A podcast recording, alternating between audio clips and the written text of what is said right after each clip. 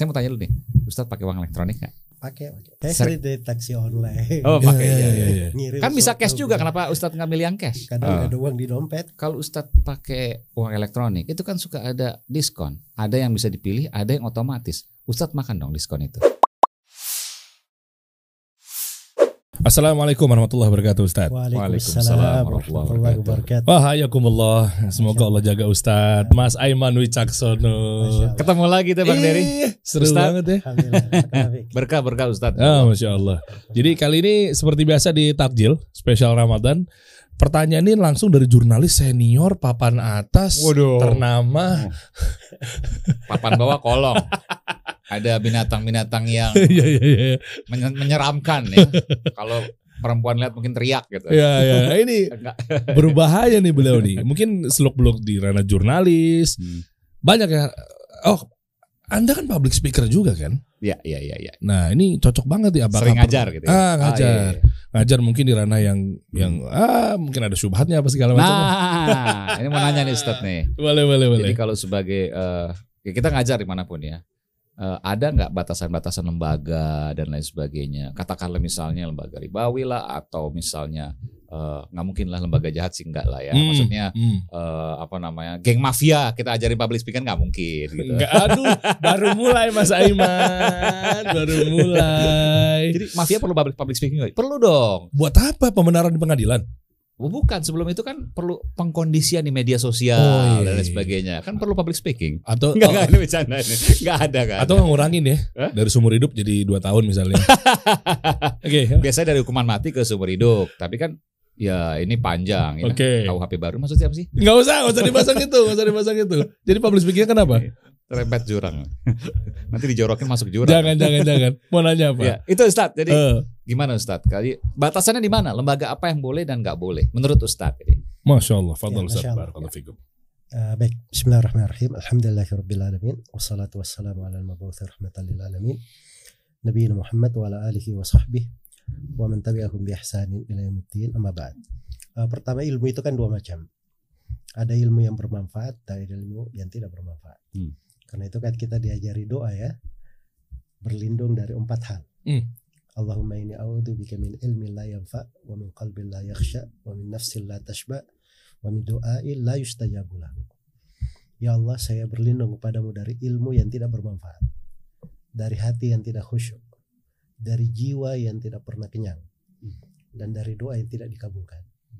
Nah, ini empat hal ini kan kalau tidak dikabulkan untuk kita itu pasti masalah di Ilmu yang tidak bermanfaat, kita. ilmu yang tidak bermanfaat, hati yang tidak khusyuk, berlindung dari hati yang tidak khusyuk, jiwa yang tidak pernah kenyang, jiwa ya bukan perut nih, jiwa. Hmm, Jiwa. ya. jiwa yang tidak pernah kenyang, dan doa yang tidak, Tidak dikabulkan. dikabulkan. Eh, saya boleh nggak potong sedikit Ustadz? Silakan. jiwa yang tidak pernah kenyang. Kalau kita mikirkan kalau kenyang tuh ya perut, Hmm. ya eh, harta segala macam. Ini jiwa apa itu Ustaz? Jiwa itu masuk ke dalamnya ambisi, Hmm. keinginan, ya, semangat, pada hal yang terkait dengan uh, perkara dunia yang harusnya dunia itu kan terbatas. Ya, ya, ya. Ya diambil sekadar yang menyambung kita ke akhirat Oke. atau diambil pada hal yang kita bisa uh, berbuat manfaat dengan dunia itu. Tapi kalau kita mengambilnya pada batasan yang seakan-akan pemberian Allah itu tidak cukup, kita tidak ada syukur, tidak ada ridho, tidak ada kona'ah, Hmm. merasa selalu kurang, selalu berburuk sangka kepada Allah, itu kan jiwa Oke. tidak kenyang. Tapi begini, ada istilah yang kita kenal di dalam agama Islam namanya tumo. Betul ya Ustaz ya? Jadi kita ingin mendapatkan sesuatu eh Tamak. Tamak ya, ketamakan. iya, eh, tapi bukan tamak dalam sisi negatif, Hmm. tapi dari sisi positif. Dalam Iya. artian begini, eh, mungkin tamak kurang tepat ya, tapi begini. Hmm, hmm. Tamak. intinya adalah eh, kita ingin mendapatkan sesuatu, ingin meraih sesuatu. Tujuannya akhirnya adalah akhirat. Betul. Katakanlah misalnya kita harus jadi pemimpin. Hmm. Ya. Pemimpin tertinggi kah, pemimpin apakah? Tujuannya adalah untuk akhirat, untuk memberikan kemanfaatan dan sebagainya dan sebagainya yang baik-baik. Baik. Untuk dakwah dan sebagainya dan sebagainya dan sebagainya gitu kan. Ya. Hmm. Apakah itu dilarang? Kita saya beri satu hadis Hmm. untuk itu. Hmm. Nabi Shallallahu Alaihi Wasallam bersabda, "Man humani la yashba'an." Dua semangat, dua ketamakan yang tidak pernah kenyang. Hmm.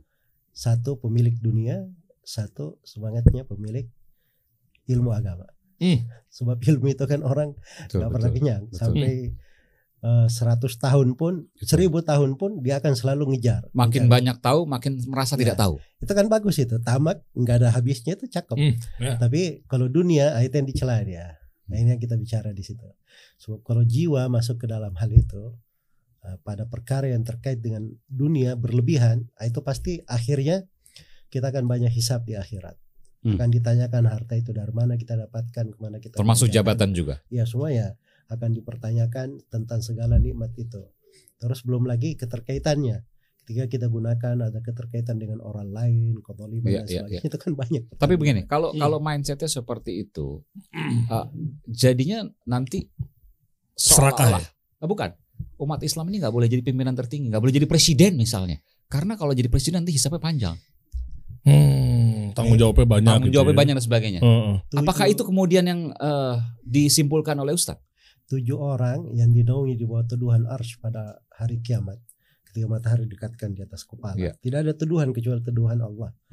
Dan Ada tujuh orang itu dapat gitu. keistimewaan. Dapat keistimewaan. Yang paling pertama adalah seorang pemimpin yang adil. Subhanallah. Uh, berat, berat, berat, berat. Seorang Artinya kalau seandainya dia bisa pemimpin yang adil, Iya, luar naik biasa nomor satu pemimpin, itu.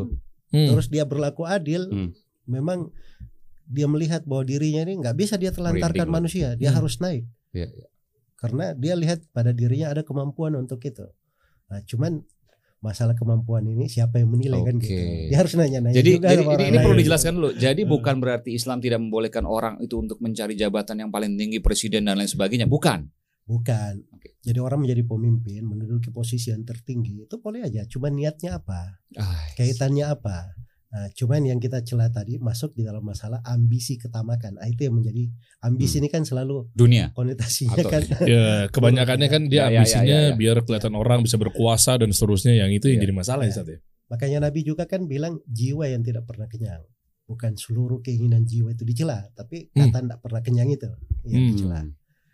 Nah itu tidak pernah kenyang itu kan konotasinya sesuatu harusnya dia sudah cukup, dia bersyukur gitu, tapi tidak pernah kenyang. Hmm. Hmm. Ya. Jadi Baik. kembali ke niat. Nah itu mungkin salah satunya ya kembali ke niat juga. Kita kembali ke masalah ilmu. Saya ingin Hmm. Ya, menerangkan ilmu tadi. Hmm. Jadi ilmu itu dua eh, ilmu itu dua macam. Ada yang bermanfaat, ada yang tidak bermanfaat. Yang tidak bermanfaat itu dua jenis. Ada karena memang pada jenis ilmu itu diharapkan. Seperti ilmu perdukunan, Hmm. ilmu sihir misalnya. Iya. Itu kan memang pada datnya diharamkan kan. Ya. Ada jenis dari ilmu bermanfaat, tapi karena tidak diamalkan atau ilmu itu dipakai untuk hal yang salah, jadilah ilmu itu menjadi tidak bermanfaat. Nah, jadi kita harus pastikan dulu bahwa ilmu yang kita akan sampaikan itu adalah ilmu yang bermanfaat. Itu satu sudut. Kalau sudah masuk ke ranah eh, ilmu yang bermanfaat, ilmu yang bermanfaat itu ada yang terkait dengan ilmu agama dan itu asal yang dipuji di dalam ayat-ayat dan hadis-hadis Rasulullah dan yang terkait dengan ilmu dunia. Sebab itu juga terkait dengan manfaat. Karena itu Nabi SAW bersabda, khairun nas anfa'ahum linnas. Sebaik-baik manusia adalah orang yang paling bermanfaatnya untuk manusia. Dan Nabi SAW juga bersabda, man minkum ayyam fa'a akhahu falyaf'al. Siapa di antara kalian yang mampu memberi manfaat untuk saudaranya, hendaknya dia lakukan. Ya pada dasarnya itu kita itu eh, memberi manfaat terkait dengan dunia pun hal yang bagus. Jadi kalau kita sudah pastikan itu, ketentuan yang kedua adalah kita pastikan bahwa kita itu dalam konsep tolong menolong di atas kebaikan. Hmm. Karena Allah beri ketentuan di dalam Al-Qur'an. Wa ta'awanu 'alal birri wat taqwa wa la ta'awanu 'alal itsmi wal udwan. Tolong menolonglah di atas kebaikan dan ketakwaan dan jangan tolong menolong di atas dosa dan permusuhan. Ini ayat di surah Al-Maidah. Surah Madaniyah, turun di Madinah. Di konteks banyak hukum-hukum yang diterangkan di sana. Karena memang eh, banyak dari kegiatan nanti itu perlu dikaper dengan ketentuan ayat ini. Jadi kita Hmm. tolong menolong dalam kebaikan dan ketakwaan, Hmm. bukan dalam dosa dan permusuhan. Jadi itu sebenarnya ukurannya sepanjang itu kebaikan dan ketakwaan, bukan dosa dan permusuhan, maka itu nggak ada masalah. Kalau kita tahu itu dosa dan permusuhan, nah itu baru kita tinggalkan. Tapi kalau kita tidak tahu pada hukum asalnya, kita mengajar, menyampaikan hal yang baik, itu dianjurkan. Hal yang bermanfaat, dibolehkan. Jadi kita tidak dituntut nanya, Iya. lo ilmu gue ini lo mau pakai apa? Hmm. kan nggak Ya. nggak nggak seperti itu kan tapi kita sudah lihat nah ini eh, orang yang hadir misalnya saya buat uh, sebuah acara hadir dia mengambil manfaat itu nggak ada masalah. Tapi kalau misalnya ada sebuah lembaga, lembaga ini kita sudah tahu ranah kerjanya misalnya di hal yang diharamkan. Hmm, misalnya apa gitu? ribawi, riba, Oke. riba. Ya lembaga riba misalnya. Misalnya lembaga riba. Ini kita contohin Iya, aja iya, ya. iya. Misalnya ada lembaga riba terus memperkerjakan atau mungkin ya orangnya atau pengusahanya Iya. Belajar sama Mas Aiman. Yes. Misalnya apa ya? Public Public speaking, speaking, misalnya public speaking, ya kan, untuk menjawab wartawan Ustaz. dan seterusnya. Nah, Boleh, itu gimana, Seth? Gawat juga saya nih kalau Loh, bener kan ini kan Ustadz gak terbiasa main pinggir jurang gak kayak Bang Dery. enggak enggak bukan saya ini maksudnya. kan guru ngaji kan. Iya iya iya iya iya. iya. Jadi saya nerangin hukum-hukum Iya, doang. Ya ya ya boleh. Iya misalnya Jadi seperti itu. Kalau ada uh, ini nanti saya berantem sama orang Ya udah. Ganti ganti ganti ganti contoh, ganti saya, contoh. saya harus terangin supaya Iya. supaya Iya, iya, iya, iya. Riba itu kan kita tidak mesti sebut lembaga ya. Ya. Iya iya. Kan orang bermuamalah dengan riba itu adalah hal yang diharamkan ya. Oke. Jadi kalau memang dia uh, pakai untuk hal yang diharamkan, pekerjaan yang diharamkan itu masuk di dalam ayat tadi wala Hmm. ta'awanu 'alal itsmi wal udwan. Walaupun yang eh, ilmu yang saya sampaikan gak ada kaitan dengan eh, pekerjaan ribawinya misalnya. Karena kan public speaking kan umum gitu, cara bicara, cara bikin podcast Ya, kayak Bang ya, Dery ya, yang ya. jago ini. gitu. Enggak enggak masya Allah. Ya kadang kita tidak terkait dengan uh, ribanya, bukan kita yang berbuat, tapi Allah melaknat riba, orang yang memakan riba, dan orang yang memberi makan dengan riba. Yang memberi makan dengan riba ini kadang bukan dia yang bekerja, tapi ada uang di tangannya, mungkin dia apa namanya makan dari uang riba itu. Hmm. Nah itu mungkin kena dia disebabkan Hmm, karena hal tersebut. Oke. Jadi tolong menolongnya itu. Oke. Jadi artinya misalnya ngajarin di perusahaan yang punya diskotik, Ya. ya, klub malam, jual alkohol, miras, lembaga atau mungkinnya riba dan seterusnya. ya, ya. Akhirnya tolong menolong membantu agar proses riba itu berjalan dengan lancar. Ya. Karena tergantung niatnya juga mau diakal-akalin Allah maha tahu. Jadi nggak mungkin Allah tuh nggak tahu tuh Ya, nggak ya, mungkin. Ya nggak? Ya, betul. Masa ada yang bilang Allah sempat nggak tahu kan aneh. Tunggu tunggu, pelan-pelan. Iya kan? Iya. Iya, iya, iya. Sama lagi adegannya. Ya Masya Allah. Nah kayak gitu-gitu kan. Jadi iya. tergantung. Cuma kalau dari sisi yang keduanya bisa Ustaz. Misalnya eh, bukan mengatasnamakan perusahaannya. Ya, tadi misalnya jual miras, ownernya. Tapi ownernya yang belajar langsung ke Mas Aiman untuk public speaking. Atau mungkin owner di perusahaan riba belajar langsung untuk Oh. public speaking atas Kontak dasar langsung. kontak langsung. Kontak langsung. Iya. Pengen untuk pribadi Mas mungkin. Aiman, hmm. tolong dong ajarin saya ini CEO gitu ya. Tapi kebetulan lembaganya eh, terkait dengan ribawi gitu. Saya mau diajarin soal bagaimana eh, berbicara di depan publik Mm-mm. terhadap ribuan orang, ratusan orang dan sebagainya. Eh, pesan apa yang harus saya sampaikan dan lain sebagainya dan sebagainya. Wah. Gimana Tat? Ya itu kalau dia hanya apa namanya minta sesuatu secara pribadi, tidak ada kaitan dengan lembaga kegiatan haramnya, itu kan ilmu namanya. Hmm. Kita bekali. Masa orang yang salah misalnya riba tidak boleh diajari sama sekali. Nah, Cuman yang kita eh, mau pastikan saja bahwa dia ini tidak memakai hal tersebut pada hal yang diharamkan, ilmu tersebut pada hal yang Hmm. diharamkan. Itu aja. Kalau kita nggak tahu dia mau pakai misalnya untuk hal yang bagus, untuk dia bagaimana karakter dirinya, ya barangkali kita juga bisa mengikutkan. Apalagi kalau kita ada tahu background backgroundnya merasa Ya, ya. bagus, Ya, ya. kita walaupun misalnya bukan ahli agama, tapi kita tahulah bisa ngajak-ngajak juga kan, Hmm. karena dia hormat kita hormati kita di bidang tertentu mm, kita beri bidang-bidang yang lain yang mungkin bisa Hmm. mencerahkan dia supaya uh, berbura uh, misalnya berubah haluan atau kepada hal yang lebih baik. Iya, masuk akal juga. Siapa Hmm. tahu besoknya dia jadi motivator kan bisa juga. oh iya Iya. betul. Super. Oh. Iya bener ya bener juga ya. Iya iya kan nggak ada yang tahu. Iya, iya. Yang dijual skillnya kan bukan Dijual ludahnya betul. gitu kan. Kecuali dibayar atas nama uh, Hmm. bukti potong pajaknya sekali lagi pajak nih itu dari lembaga ribawi itu misalnya gitu itu Hmm. nggak boleh menurut Ustaz saya coret kalau nggak Ustaz oh list listnya lima. klien-kliennya Saya coret boleh saya coret aja kalau Ustaz semuanya udah didata yang masuk rata-rata dari lembaga begitu aja. Masya Allah, udah mulai clear ya, Mas ya. Apa mungkin ada pertanyaan berikutnya? Yang tadi mungkin ada yang mau disanggah dulu atau Ya. mungkin ada masih yang ganjel? jadi kalau terjadi seperti itu ya sebaiknya coret karena kan bukti potongnya dari bukti potong pajak Oke. bupot bupotnya itu dari lembaga yang bersangkutan jadi coret ya Ustaz Iya, kalau oh sebaiknya kalau tinggalkan pasti gitu, Iya. kita jangan masuk lah ke dalam hal yang enaknya itu sebenarnya kalau di kita ya di pekerjaan sebagai seorang muslim ya ada hal yang dilarang di dalam syariat kita. Hmm. Atau paling tidak misalnya syubhat misalnya. Hmm. Kita tinggalkan karena Allah itu dijanjikan oleh Nabi sallallahu alaihi wasallam innaka lan tad'a syai'an ittiqa Allah illa abdalakallahu khairan minhu. Tidaklah kamu meninggalkan sesuatu karena ketakwaan kepada Allah kecuali Allah akan ganti kamu yang lebih baik daripada itu. Hmm. Hmm. Jadi itu Masya cakep aja. Iya. Jadi sebenarnya gaya-gaya seperti itu itu banyak yang melakukan. Ya, Pokoknya terus sering kita Iya. tinggalin, alhamdulillah Allah ganti hal yang lebih baik. Kita tidak sangka-sangka kan. Oh, itu dia. layat tasib lah pokoknya dari jalan yang terduga-duga gitu. Iya betul. Karena itu bentuk ketakwaan juga Set, ya. Iya. Bentuk Iya, takwa kita ninggalin yang syubhat atau segala macam nanti Allah ganti dari arah yang gak disangka-sangka tadi. Dan Oh, jangan so- pernah ini paling penting, Ustaz. Jangan pernah takut miskin, betul nggak? Sahih. Hmm. Kenapa, Ustaz? Kenapa? Jawabannya kenapa begitu?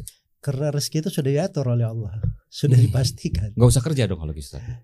Nah juga Gimana jadi, Ustaz? Penjelasannya gimana? sebab kita tidak boleh bersandar kepada takdir. Kata Nabi Hmm. Shallallahu Alaihi Wasallam, "Malu fakullun muyassarun lima khuliqalah." Kalau begitu beramallah kalian. Setiap orang dimudahkan pada takdir yang dia ditakdirkan untuknya. Jadi hidup itu di, tidak bertentangan antara takdir dengan syariat. Hmm. Nah, itu tidak boleh kita pertentangkan. Jadi kalau kita bilang kalau begitu tidak usah beramal, nah, itu Hmm. kita pertentangkan takdir Ya, dengan syariat namanya. Syariat memerintah kita beramal. Ya. Agama ini adalah agama yang menganjurkan beramal. Agama yang menganjurkan untuk beraktivitas. Ada produktivitas, ada produk-produk yang kita hasilkan bermanfaat untuk manusia. Itu di sudut perekonomian Islam ya. Iya, iya. Jadi itu kan perintah agama. Ya kalau kita ketentuan takdir kita pertentangkan dengan perintah agama, ah, itu pasti masalah. Hmm.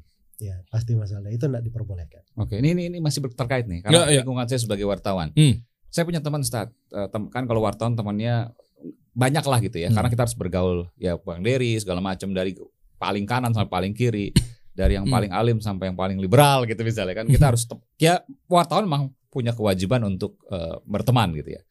Nah, saya punya teman kebetulan di Singapura, dia wartawan juga di channel News Asia. Hmm. ya. Dia bilang sama saya, saya nggak mau punya anak. Sekarang kan ada gerakan-gerakan apa child, Child free, free. gitu. ya. Hmm, hmm. Dia nikah, nggak tahu nikah apa enggak ya. Pokoknya pokoknya dia punya pasangan lah. Saya nggak Hmm. saya nggak nanya juga apakah dia terikat terikat apa enggak. Tapi yang jelas dia nggak mau punya anak.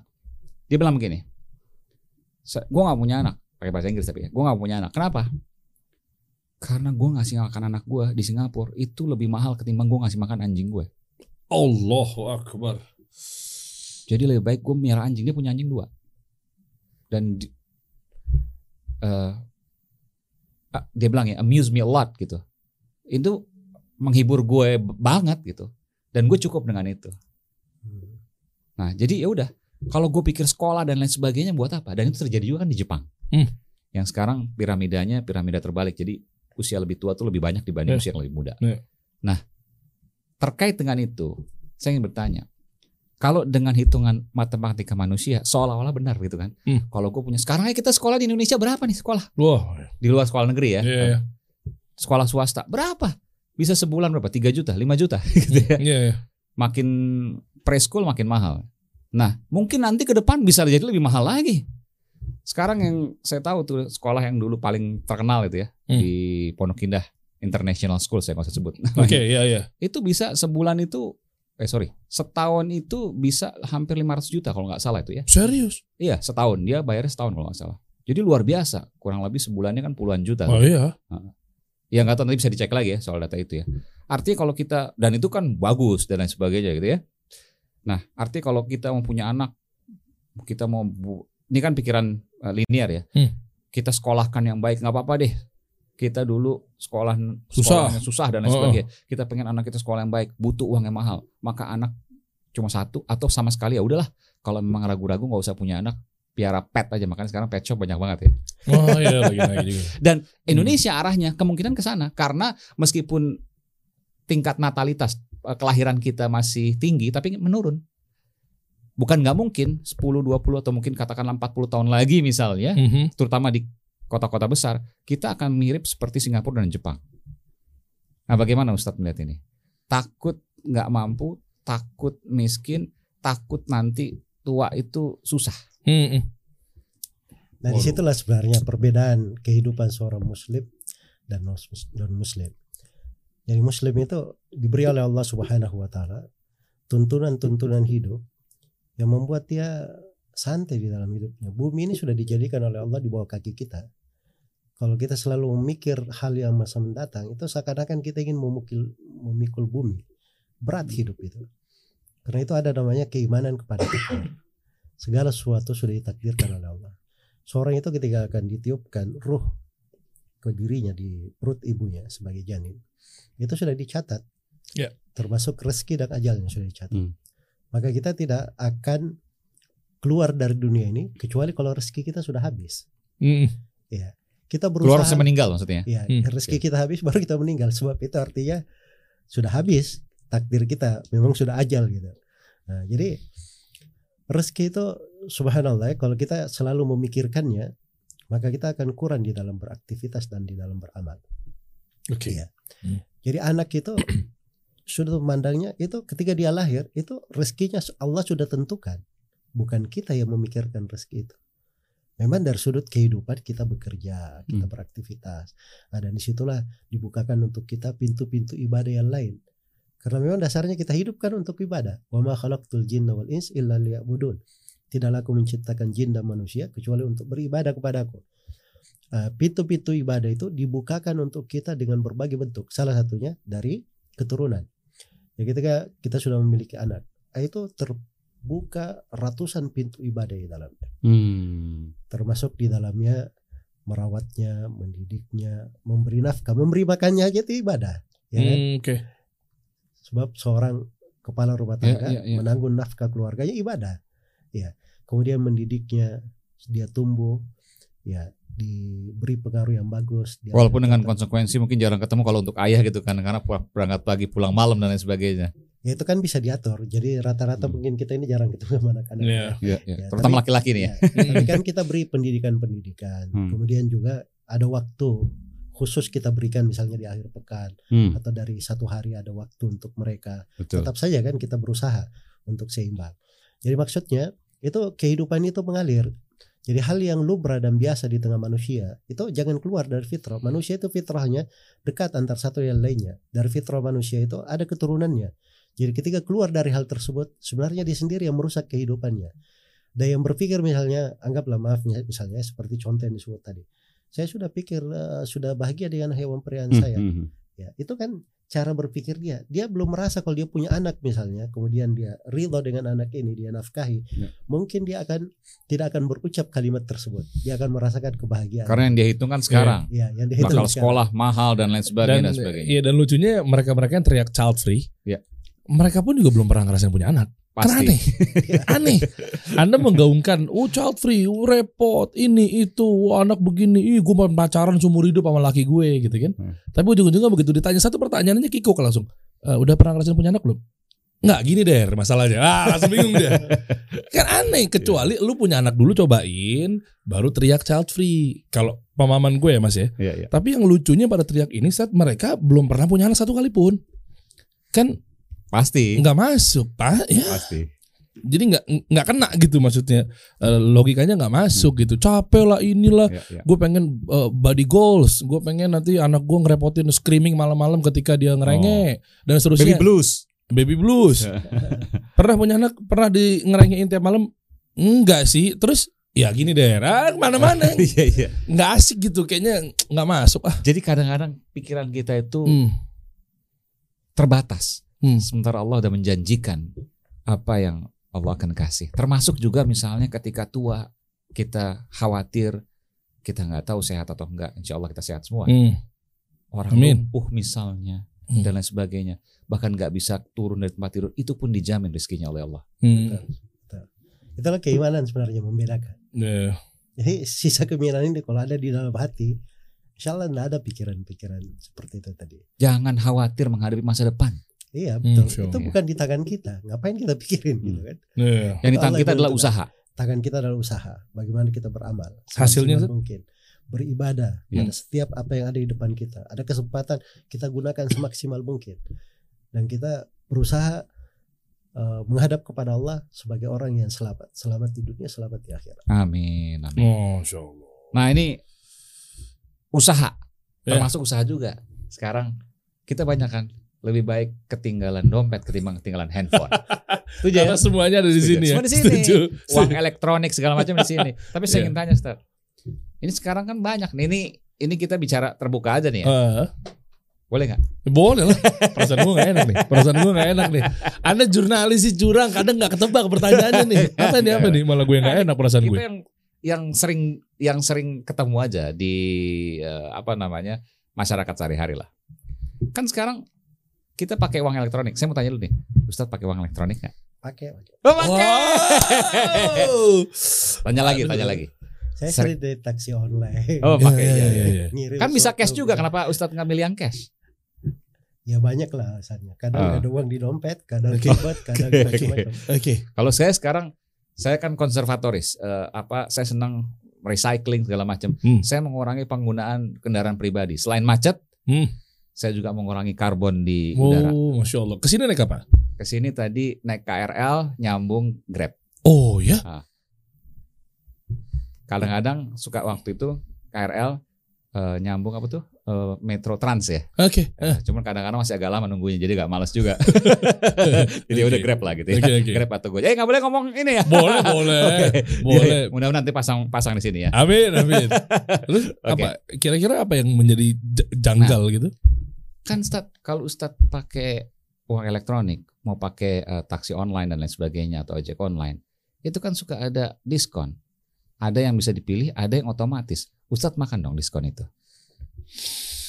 Wah, tajam sekali ya pertanyaannya. ya. Ini kan kita juga ini. Sebentar. Boleh, boleh kan? Iya, boleh. Tapi kan, apakah Ustadz mengen- begitu menggunakan terus memakai diskon-diskonnya itu aja pertanyaan kan? Akan ada yang otomatis tuh. Emang ya? Ada, ada yang otomatis. Barangkali nggak pakai diskonnya, cuma pakai gunain buat Hmm. payment aja cash, eh, pengganti cash maksudnya. Iya, tapi oke itu itu oke lah. Oh mungkin batasan-batasannya, Iya. Ustadz. Ketika kita pakai uang elektronik, Ah. mana yang boleh, mana yang nggak boleh. Kan misalnya ada yang hemat segala macam kan ada Hmm, potongan iya, iya. atau misalnya yang hemat dan yang normal pun ada potongan yang dicoret dikasih harganya yang ini tapi kan itu potongan. Hmm. Ya katakanlah diskon lah. Nah, Mm-mm. diskon itu kita nggak bisa milih. Pasti kan kita milih diskon satu atau diskon dua kan gitu. Tapi memang pertanyaannya semua uang elektronik pasti didiskon ya? Dalam eh, tertentu, tertentu pasti banyak dan itu otomatis gitu kan. Apakah boleh mengambil diskon itu? Karena saya melihat eh, apa namanya mendengarkan ustadz-ustadz yang lain ada yang bilang boleh, ada yang bilang enggak. Menurut ustadz gimana? Hmm. Batasannya di mana? Yang mana tuh? Ya, Oke, fokus di Ustadz. Ya sebenarnya ini kasusnya panjang juga ya. Hmm, iya, iya, iya. Semua.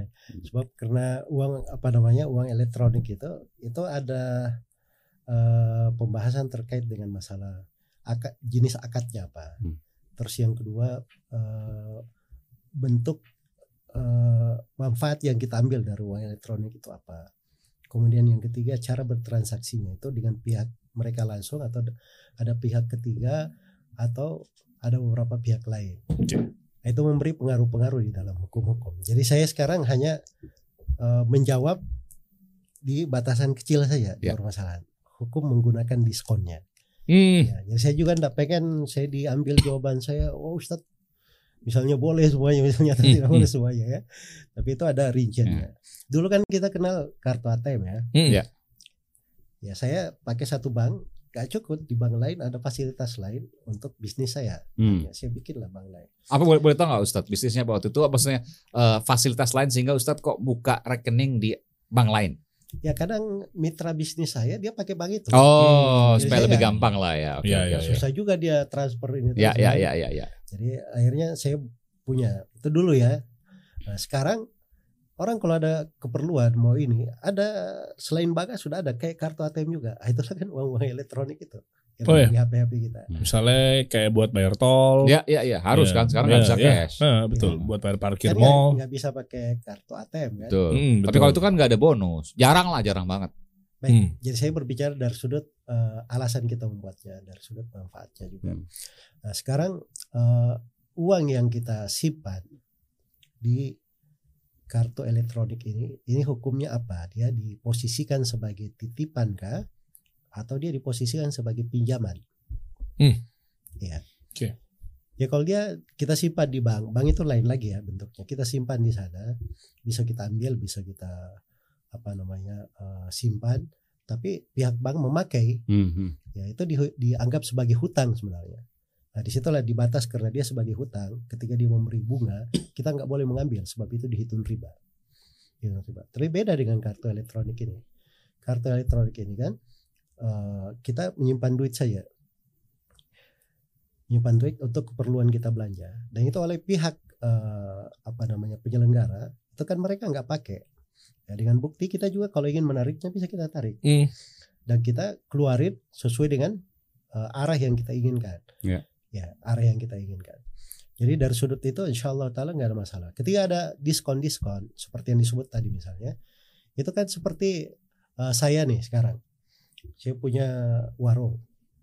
Eh, saya yang memakai yang membayar pakai kartu ini itu lebih cakep bagi Hmm. saya. Saya capek sudah masukin nasi misalnya ke box Iya, iya, kemudian saya layani juga untuk ngembaliin duit kan Hmm. capek Kotor bagi lagi tangannya kan. Lagi Iya, kiuris gitu. Nah, kalau kiuris Iya. kan enak. Mm-mm. Iya. Jadi kayak gitu Kris mungkin gitu ya. alasannya. Hmm. Akhirnya su- sudah pakai ini aja saya kasih diskon kalau bayar pakai ini saya kasih diskon 5000 Mungkin dari sudut saya diskon, saya beri diskon itu bagus benar, nggak ada masalah. Kita ngambil diskon itu nggak ada masalah. Oke. Demikian pula kalau diskonnya misalnya dari perusahaannya, karena dari sudut perusahaan juga dia kan ada kepentingan lain sebenarnya juga ya di ranah-ranah bisnisnya. Dia beri Oke. diskon tersebut, tersebut itu kan dia yang bayar sebenarnya. Walaupun misalnya sebagian orang mengartikan membakar uang dan iya, iya, sebagainya, iya. iya. itu masalah lain lah ya kita tidak masuk di pembahasan itu sebab itu eh, terkait dengan masalah biaya ketika seorang melakukan promosi eh, dampaknya apakah dia merugikan orang lain membahayakan orang yang semisal dengan mereka di bisnis itu atau tidak Mhm. itu kan lain lagi pembahasannya Macam subsidi Cuma- itu loh. Hmm. ini kita sebagai orang yang apa namanya ingin belanja melalui eh, media tersebut atau melalui eh, apa namanya eh, penyelenggara ini kita dapat diskon di situ Nah, itu nggak ada masalah karena memang asalnya Iya. mereka ini memberi potongan gitu Hmm. memberi potongan pada produk mereka Jadi bukan termasuk riba ya Ustaz ya. nah, nggak ada hubungannya dengan Jadi misalnya eh, kalau ya, kita mau ini bebas ongkir marketplace nih kita bisa. Hmm, Ma- iya. Bebas ongkir, pengiriman free shipping segala macam kita ambil nggak ada masalah tuh. ya itu nggak ada masalah Oke. bebas ongkir kan kita beli barang itu Hmm. dari Ongkirnya tiga puluh ribu dicoret. Iya dicoret tiga puluh ribu dia yang bayar kan sebenarnya itu kan promo dari dia sebenarnya Iya. Atau bisa juga kedua belah pihak Oh. dengan, kita dulu pihak betul. Iya, iya, iya, iya, iya. Itu nggak ada Dari masalah. sisi apa logistiknya mungkin yang bayar dan sebagainya Hmm, bisa itu juga. kan kaitannya dengan marketing dijual belinya bukan di urusan dana kita itu ini Bukan. kan dana untuk beli doang Hmm. nggak ada urusannya dengan masalah Oh, tapi iya. tapi gini Stat, gini kan ada nih. Kalau bayar cash tiga puluh ribu, kalau pakai uang elektronik diskon Iya, itu. maksimal lima ribu gitu misalnya. Hmm. Bisa nggak Stat? Itu tadi yang saya saya nggak bisa mengatakan itu bisa atau tidak. Cuman kita sebagai pengguna saja. Hmm. bisa nggak kita gunakan itu? Kalau bisa bisa aja nggak ada masalah. Sebab itu tadi kaitannya dia memberi diskon. Oke. Tapi kalau misalnya saya penyelenggara ingin bikin sistem seperti itu, boleh atau tidak? Ah, itu pembahasannya panjang lagi. Oke. Tapi kalau kita sebagai pengguna, kita Nah. sebagai pembeli nggak masalah. Nah itu kita cakep bahas itu aja yang ringan Iya, ringan. iya, iya, oke. Kita sebagai penggunanya. Jadi Iya. kalau pakai cash tunai tiga puluh ribu, tapi kalau pakai uang elektronik maka dipotong katakanlah 20% maksimal lima ribu Nah, misalnya gitu. kita sebagai user itu boleh nggak ngambil keuntungan ketika pakai yang uang elektronik? oh elektronik. Heeh, karena lebih murah. Kalau pakai cash harganya normal. Iya. Iya nggak ada masalah. Oke. Oh, clear, oke. clear nih, clear. Oke. Jadi bukan Apa- riba, apa bukan dua harga di satu barang ya, Stat? Enggak, mana dua harga. Ketika kita transaksi kan cuma satu. Hmm. Bayarnya pakai cash atau bayarnya pakai uang Oh. elektronik kan satu. Bukan Hmm. bayar dua-dua, nggak mungkin orang bayar dua-dua kan. Siap. Oh ya ya ya ya ya ya ya. Ya itu tuh tuh yang jadi permasalahan ketika kita mengambil keuntungan sementara uang kita eh, ada di uang elektronik itu. Iya, iya. Ketika cash normal, ketika ikut promo-promo atau mungkin arahan dari Iya, si iya. marketplace apa segala macam itu jadinya ada potongan itu kan. Kemudian Betul. sudut lain sebenarnya. Mm-mm. Saya saya sebagai pengguna ini ya, saya Hmm. saya ada keperluan di berbagai macam apa namanya uang elektronik itu. Mhm. Ya saya perlu mobil, perlu motor, pesan dan kadang saya juga melihat kan ini beda harganya dengan ini misalnya. Hmm. Di waktu apalagi di waktu lagi macet, ya kan? kan beda harga. Ya betul. harga Tergantung demand ya. Ya, baik. Jadi eh, karena keperluan saya itu saya nggak melihat masalah diskon-diskon itu saya nggak terlalu perhatikan. Saya cuma perlu memang menggunakan jasa mereka. Nah, ketika ada diskon, nggak apa-apa saya pakai apa masalahnya. Karena memang asalnya saya perlu di di situ. Hmm. Oh itu ada hukum itu apa maslahat bukan? Hah? Eh, hukum maslahat kebutuhan atau apa? Nggak juga, nggak ada kaitannya. Cuma maksudnya saya saya ingin memberikan pikiran orang-orang yang menggunakan. Jadi jangan selalu dipahami orang yang masuk ke uang elektronik itu untuk cari untung gitu. untuk cari Iya. promosi. Soalnya Belum tak- tentu juga. Iya, benar. ketakutan-ketakutan mereka itu karena ini masih sistemnya kayak semacam kita meminjamkan atau hutang itu, Ustaz.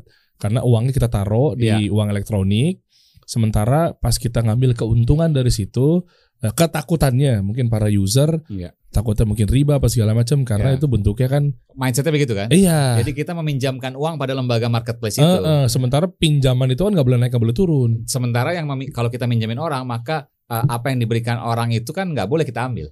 Ya, jadi saya kasih gini. Mungkin, takutnya eh, itu. ilustrasi ya. Saya eh, minta ke seorang apa namanya? Saya minta ke driver misalnya. Hmm. Tolong beliin saya ini. Bawa ini ATM saya. Belanja apa saja gesek dari situ. Hmm. Boleh atau tidak? Boleh. Boleh aja kan? Boleh. Sama saja uang elektronik saya kan gitu. Cuman nggak dipegang aja sama dia. Iya, iya, iya. Oh, gitu? Iya, iya. Iya ya, kadang kita Mindsetnya ke mana nih? mindset iya ya. kita meminjamkan uang atau kita nitipin kartu kita misalnya Lah, gitu ya? kita kan nitipin kan uang kita juga ya, di Sat. sini ada, sudah ada di HP dia, di ini. Tapi ini kartu kita yang dipakai iya, sama iya, dia. Iya. Jadi kita bukan Ini- minjamin. Oke, Bukan minjamin. oke, Jadi oke. makanya saya itu aneh juga loh. Orang bilang minjamin tuh kok bisa? Saya ini nggak pernah mikir mau minjamin orang. Iya, iya. Kan kita naruh dompet kita, itu ATM kita. Iya, Cuma bentuknya online. Bedanya ada yang bentuk fisik sama non fisik. Iya, iya. Kita naruh tuh. Ah, ATM-nya ada yang pakai fisik, Mas. Beliin dong serido nih. Udah guys, kita balikin Iya, lagi. iya. Satu lagi, ini non fisik nih. Dipakai. Hmm, Iya. ya ya ya. Jadi ada diskon, ambil aja. Menurut Ustadz ya. Hmm, insyaallah. ya. Allah yabarik fiik Ustaz. Satu Iya. lagi mungkin Mas Aiman. Satu lagi. Heeh. Soal ini. Masih juga soal keuangan nih sebenarnya nih. Hmm, hmm. Asuransi. Oke. Karena ada bilang kan kalau kita belajar asuransi itu goror, maisir dan lain sebagainya lah gitu ya. Hmm. Nah, eh, nggak tahu syariah dan lain sebagainya apakah masuk seperti itu nanti Ustaz bisa jelaskan juga. Tapi kalau di lembaga-lembaga pemberi kerja misalnya di luar BPJS nih kita bicara ya, itu kan wajib. Lalu kemudian kita apakah kita boleh menggunakannya atau sejauh mana kita menggunakannya? Sementara kan itu dipotong dari gaji kita. Oh, di perusahaan. Iya. Nanti mau nggak mau kita misalnya kerja di perusahaan tersebut, ya udah mau nggak mau kita dipotong dan Ini di harus luar ikut, BPJS ya, di luar harus BPJS ikut ya. Kalau nolak bisa nggak? Ya bisa nggak nggak usah dipakai tapi kan dipotong. Oh, Otomatis kan? oh oke dari perusahaan ya. Oh. Gimana Stan? Hmm. Ya kalau BPJS itu kan dia Wajib, terkait ya. dengan pemerintah, Iya. diwajibkan juga. Kemudian pemerintah itu kadang diizinkan memberikan kebijaksanaan-kebijaksanaan walaupun itu sudut fikih misalnya tidak dibolehkan atau bukan dianjurkan. Tapi begitu ada hal yang di dalamnya terdapat maslahat yang besar untuk manusia, itu kadang di- diperbolehkan. Nah, itu terkait dengan Oh, eh, BPJS ya, BPJS nggak ada BPJS masalah itu- oke, karena ada Nah, BPJS kedaruratan. saya enggak langsung berkata juga tidak ada masalah, tapi Hmm. itu saya bilang urusan pemerintah. Oke, Jadi itu ranahnya itu pembahasan ada hukum-hukumnya sendiri, ada fikihnya Ya, ya. sendiri dan seterusnya. Tapi kalau per- pertanyaannya tadi eh, asuransi, Mm-mm. ya itu memang kan sifatnya komersial ya. Jadi Iya. asuransi apa namanya? bukan kita yang mau loh, tapi kita diikut sertakan sebagai kewajiban karena kita bergabung dengan salah satu perusahaan tersebut Ya, misalnya. betul. Dan itu banyak terjadi di Iya. perusahaan. Jadi kami aja kan kadang eh, apa namanya? eh, bukan di kami ya, di teman-teman kami seperti itu juga di mitra-mitra bisnis kami ada yang masuk memang diwajibkan untuk Betul. bayar BPJS. Tapi di luar itu semua, atau bayar ini, Ustadz ya? bayar bayar asuransi. sekarang itu kalau berobat tanpa asuransi, muahalnya minta ampun. Jadi seolah-olah memang orang dipaksa untuk masuk asuransi. Coba misalnya ketika orang sakit berat, either itu misalnya ginjal dan sebagainya, alhamdulillah ya. Lalu kemudian dia berobat, nggak akan mampu itu orang untuk membayar itu Mm-mm. tanpa asuransi.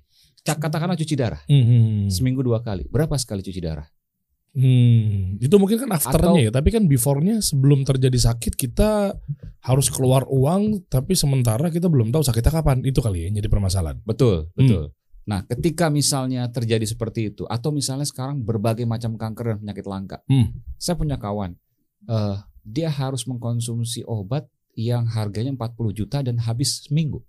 Seminggu 40 juta. Yes, Me- dia me- menderita penyakit kanker, tapi termasuk kanker yang Oh. langka. Dan Oh. itu tidak akan mungkin ketika tidak ada asuransi. Ya sudah, kalau nggak ada asuransi, jadi dia nggak akan bisa beli itu, ya artinya Ya. wafat. Ya ya. Oh ya ini juga bisa ditanya juga ke Ustadz. Apakah ini bagian dari maslahat ya? Nah, gimana sih? Oh, oh. Jadi hukum asuransi itu sendiri kan Mas Evan sudah sebut tadi ya Hmm. terkait dengan keharamannya karena ada goror, ada uh, kimar Hmm. bentuk judi. Ada dua jenis riba juga di dalamnya. Uh, riba fadl dan riba nasiah. Kemudian yang kelima sebenarnya ini yang ingin saya tekankan. Ada bentuk memakan harta manusia tanpa hak. Termasuk yang syariat misalnya, syariah. Nah, itu itulah saya kan berbicara ke asuransi konvensional tadi yang komersial tadi. Komersial, Iya. oke. Tapi kan syariah komersial juga, Ustaz. Ini Kalau- pinggir jurang juga nih. ya, syariah komersial. Jadi saya sekarang ini nggak terlalu penting nama ya Oke. asuransi syariah atau ini yang Oh, kita itu. penting itu hakikat sebenarnya. Oke. Ya, jadi yang ada itu kalau di pembahasan asuransi yang dibolehkan itu namanya asuransi ta'awudi. Yang dasarnya kerjasama. Tolong menolong. Ya. Ya. Dasarnya itu adalah hadits uh, Abu Musa al-Asy'ari radhiyallahu taala supaya kita ada gambaran ya gimana asuransi yang benar. Ketika orang-orang Asy'ariyin uh, kurang kekurangan makanan, maka Nabi Shallallahu Alaihi Wasallam perintah mereka mengumpulkan seluruh makanan mereka di atas satu tempat, hamparan kain.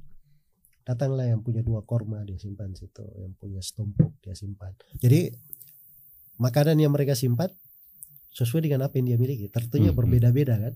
Hmm. Nah, kemudian Nabi setelah itu berkata, silahkan kalian semua ambil dari eh, makanan yang terkumpul itu sesuai dengan keperluan kalian. Hmm. Datanglah mereka semuanya ngambil sesuai dengan keperluannya. Dan masih tersisa. Hmm. Ya, ah, itu bentuk asuransi. sebenarnya. Jadi asuransi dikeluarkan. Kita misalnya Hmm. eh, Patungan, sebuah Ustaz. perusahaan, patungan kita keluarin Hmm. 500 ribu per bulan. Siapa yang sakit di antara kita, maka pakai dari patungan ini. Hmm. Siapa yang sakit dari kita? Kalau misalnya akhir tahun masih ada sisa, itu dibagi rata antara kita. Oh. Nah, itu bagus.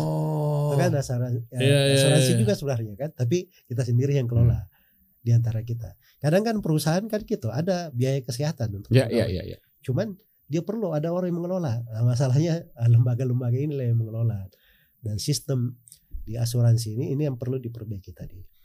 Tapi para ulama saya ini juga ini yang saya berikan sebagai jawaban uh, untuk poin yang ditanyakan tadi ya. Untuk orang yang di kondisi darurat dia harus pakai asuransi. Itu ada dua pendapat di kalangan ulama di masa sekarang. Ada yang membolehkan sebab dianggap itu kita tidak bisa menghindari dan itu juga darurat. Hmm. Dan sebagian ulama mengatakan itu tidak diperbolehkan. Walaupun kita berkata, saya sudah sudah 40 tahun saya kerja, asuransi saya dipukul terus, saya tahu nilai asuransi Ya, saya. ya. Nah, maka saya mau pakai duit saya saja. Oke. Ya. Baik, kalau kita pakai, anggaplah kita ambil 40 juta. 40 juta itu milik siapa? Duit kita atau duit orang lain? Kita tidak tahu. Nah, itulah yang disebut dengan kata memakan harta manusia tanpa hak. Sebab yang nyetor kan banyak, bukan cuma kita. Masa kita bisa klaim itu duit kita? Iya. Yang lain juga klaim itu duit dia juga, 40 juta itu kan. Mm-mm. Nah, jadi dari ranah itu dia katakan, wah ini nggak diperbolehkan. Sebab itu kita memakan harta orang tanpa hak. Tapi kewajiban ya kita namanya nggak bisa lepas, ya kita keluarin aja, kita keluarin saja. Tapi kita nggak memakainya. Ya begitu. Oh, jadi memakan uh, hak orang tanpa izin apa segala macam bisa tuh. Ya, tapi ada sebagian ulama saya Hmm. bilang ya bahwa ada sebagian ulama yang membolehkan atas dasar bahwa sekarang ini akan memberatkan manusia jadi masalah di negara juga orang banyak yang sakit tidak ada dana untuk berobat dan Hmm. sebagainya seperti yang disebut oleh Mas Eman tadi itu kendala-kendala kan ada di tengah masyarakat kita Ya, ya. jadi mereka bolehkan bukan karena itu adalah halal tapi karena darurat dibolehkan Hmm. Oke. Ya, itu Oh, Masya Allah. Masya Allah barakallahu fikum. Jadi misalnya ada asuransi kesehatan. Derry udah bayar tiap bulan preminya tuh misalnya ya selama tiga tahun. Hmm. Sejuta, sejuta, sejuta gitu kan. Ma- Ada orang lagi satu lagi namanya Aiman. Baru nyicil dua bulan. Ya, misalnya contoh Ya, nih, ya, ya, Qadarullah ya. sakit. Hmm. Alhamdulillah. Ya kan? Bayarnya baru 2 juta. Hmm. Biaya sakit 40 juta. Pertanyaannya 38 juta uang siapa? Yes. Iya Uang kan? yang lain. Nah, itu. Jadi kan bisa menutup kemungkinan ada uang Derry dong.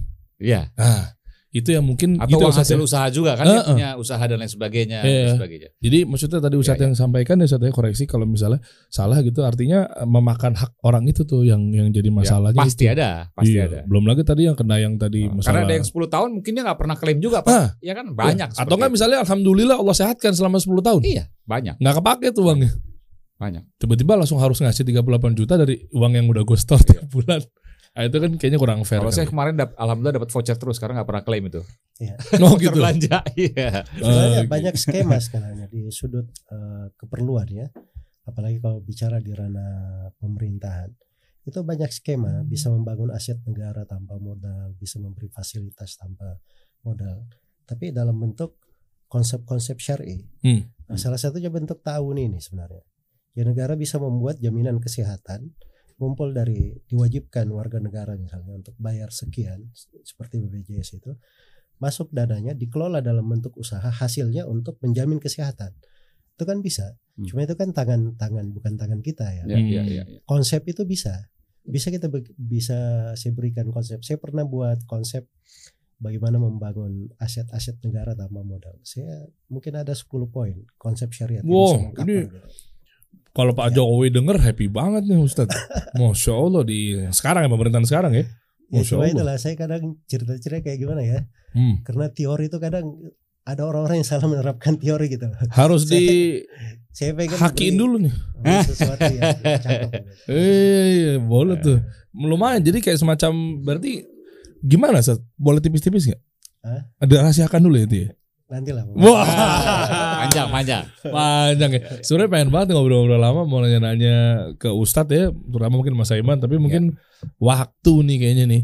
Iya nggak? Apalagi teman-teman lagi pada mau sahur apa segala macam ya kan. Masya ini adem banget dengan suara Bang Dery, Ustadz dengerin Bang. Barakallah. Adem, adem. Iya, iya, mungkin nanti insya Allah kita ketemu lagi di lain kesempatan kan. Seru banget tuh pertanyaannya, misalnya kayak lagi rame kemarin kan, kilometer 50 yang gitu. -gitu. ada banyak ya, ada banyak misteri di negeri ini. Termasuk juga kerusuhan Bawaslu waktu 2019 kan. Heeh. Ada lagi eh, menjelang pemilu waktu itu 2019. Udah, udah nggak usah diterusin. Saya tadi mancing sedikit doang. Tiba-tiba imam masjid atau apa yang kemudian Sudah. eh, dianiaya dan lain sebagainya. Itu Udah. banyak sekali misterinya. betul. Kapan kita bahas? Iya ya, ya betul kita bahas ya. Iya. Hmm, Udah cukup ya Mas ya. Eh, Boleh dimatiin aja kak mic-nya nih. Syukuran Mas ya. Iya. Barakallahu fikum Ustaz.